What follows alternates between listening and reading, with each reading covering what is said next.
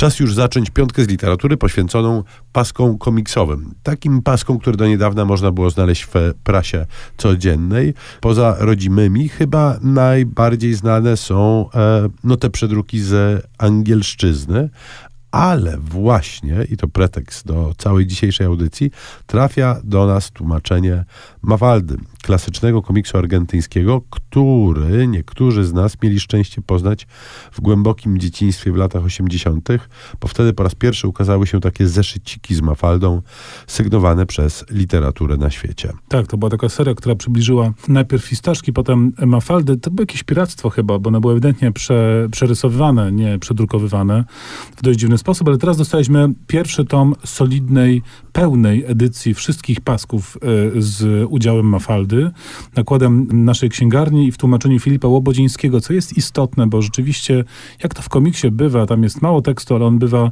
niezmiernie trudny do przetłumaczenia y, i tutaj doświadczenie Łobodzińskiego jako tłumacza w ogóle, ale nade wszystko tekstów poetyckich, czy piosenek chociażby, bardzo na pewno mu się przydało. Trzeba wpakować dowcip y, w mały dymek, a do tego jeszcze, żeby pasował do rysunków. Ale sama Mafalda jest dziełem niejakiego kino, tak się w skrócie nazywa autor, takim pseudonimem się posługuje autor e, tego dzieła. Rzecz jest zupełnie klasyczna, bo ona była rysowana od roku 64 do 73, czyli minęło już naprawdę kupa lat, od kiedy Mafalda przestała być e, rysowana, ale wciąż cieszy się sławą absolutnie kultowego, fenomenalnego komiksu, czytanego, przedrukowywanego, uwielbianego w całym świecie hiszpańskojęzycznym z przyległościami, na przykład we Włoszech też cieszy się dużym uznaniem, czy w Portugalii. Ale jest to też uniwersalne pod względem wiekowym, bo e, śmieją się e, i dzieci, i dorośli. Mafalda jest e, e dziewczynką, jakby na to nie patrzeć, dziewczynką o jednak dojrzałości intelektualnej dość imponującej i myślę, że e, to poczucie e, humoru, które w tych paskach można znaleźć, trafia do absolutnie każdego, niezależnie od wieku. No tak, bo to jest z jednej strony żarty, które są czytane dla dzieci, na przykład piękna scenka, jak pani pisze na tablicy mam mamę, mama ma mnie, e, Mafalda się zgłasza, i mówi, bardzo się cieszę, gratuluję pani dobrych relacji z matką, ale teraz może by nas pani nauczyła czegoś konkretnego. E, I takich rzeczy jest tam sporo, niemniej bardzo dużo jest też obserwacji dotyczących świata dorosłych. E, Mafalda jest świadoma politycznie, e, społecznie. Świetny komiks, który się w ogóle nie zestarzał i naprawdę wielka gratka czytać koniecznie.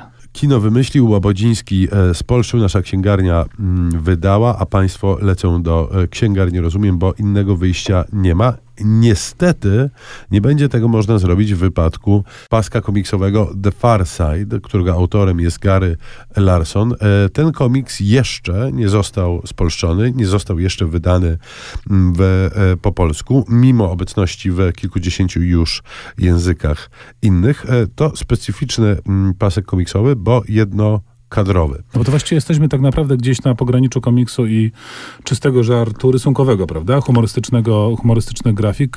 Ta granica jest trudna do wytyczenia tak naprawdę. Tak, tu pojawiają się dymki acz sporadycznie. Najczęściej są to rzeczywiście kwadratowe ilustracje z podpisem, który jest e, puentą jednocześnie.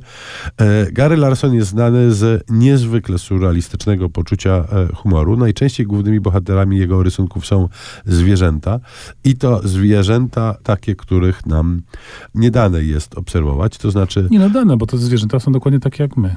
Tak. Znaczy, tak. wyglądają to znaczy, inaczej, zachowują się jak my. Krowy, psy i koty zachowują się dokładnie tak jak my. E, jak sugeruje Carson, tak zachowują się wszystkie zwierzęta, gdy my właśnie nie patrzymy. No i dlatego właśnie ośmielamy się Państwu to zaproponować, bo wprawdzie po polsku nie wyszło, ale w odczaruściach internetu znaleźć sobie te historyki można. Tu zróbmy przerwę. Była argentyńska mafalda, więc wyjścia specjalnie nie mamy. Argentyńskie tango. Będzie to utwór Jose Padilli z filmu Zapach kobiety.